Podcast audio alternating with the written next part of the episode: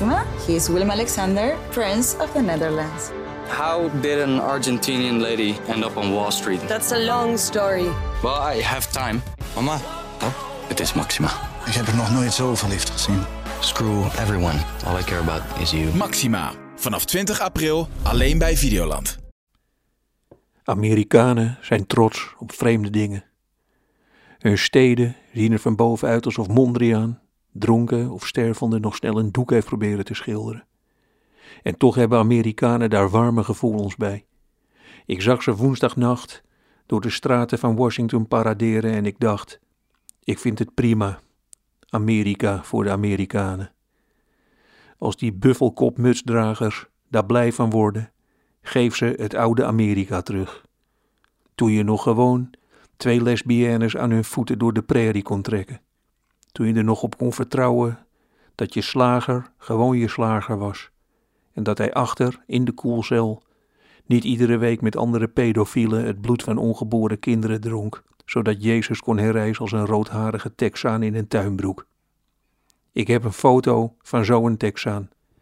Ik was met Tanja een week lang in Texas en opeens stond hij voor ons. Hij was naakt, op zijn tuinbroek na.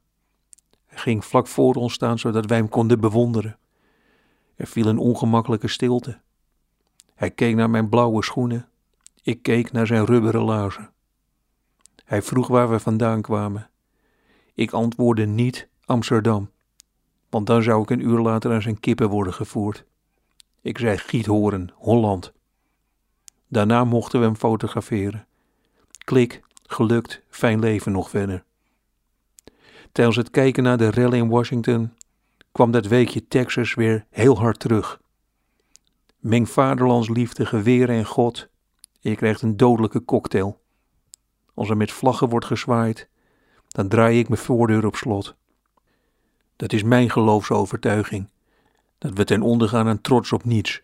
Vechten voor een land waar je toevallig uit je moeder bent gegleden.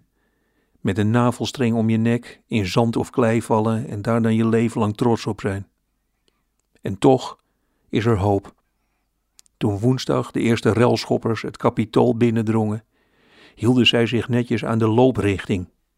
In een grote zaal waren een paar lullige rode museumdraadjes gespannen waar je dan niet overheen mocht stappen, en daar hielden die trotse halfprimaten zich aan, voor heel even. En dat ontroerde mij. Schreeuwen om een revolutie en dan toch lopen zoals ze dat van tevoren hebben bedacht. Aandoenlijk. Ook de anarchie daarna, een man met zijn voet op het bureau van Nancy Pelosi, vertederde.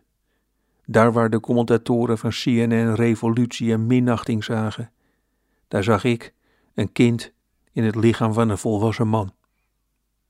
De lege lerarenkamer inlopen, naar de stoel van je lerares Frans lopen en dan een scheet laten.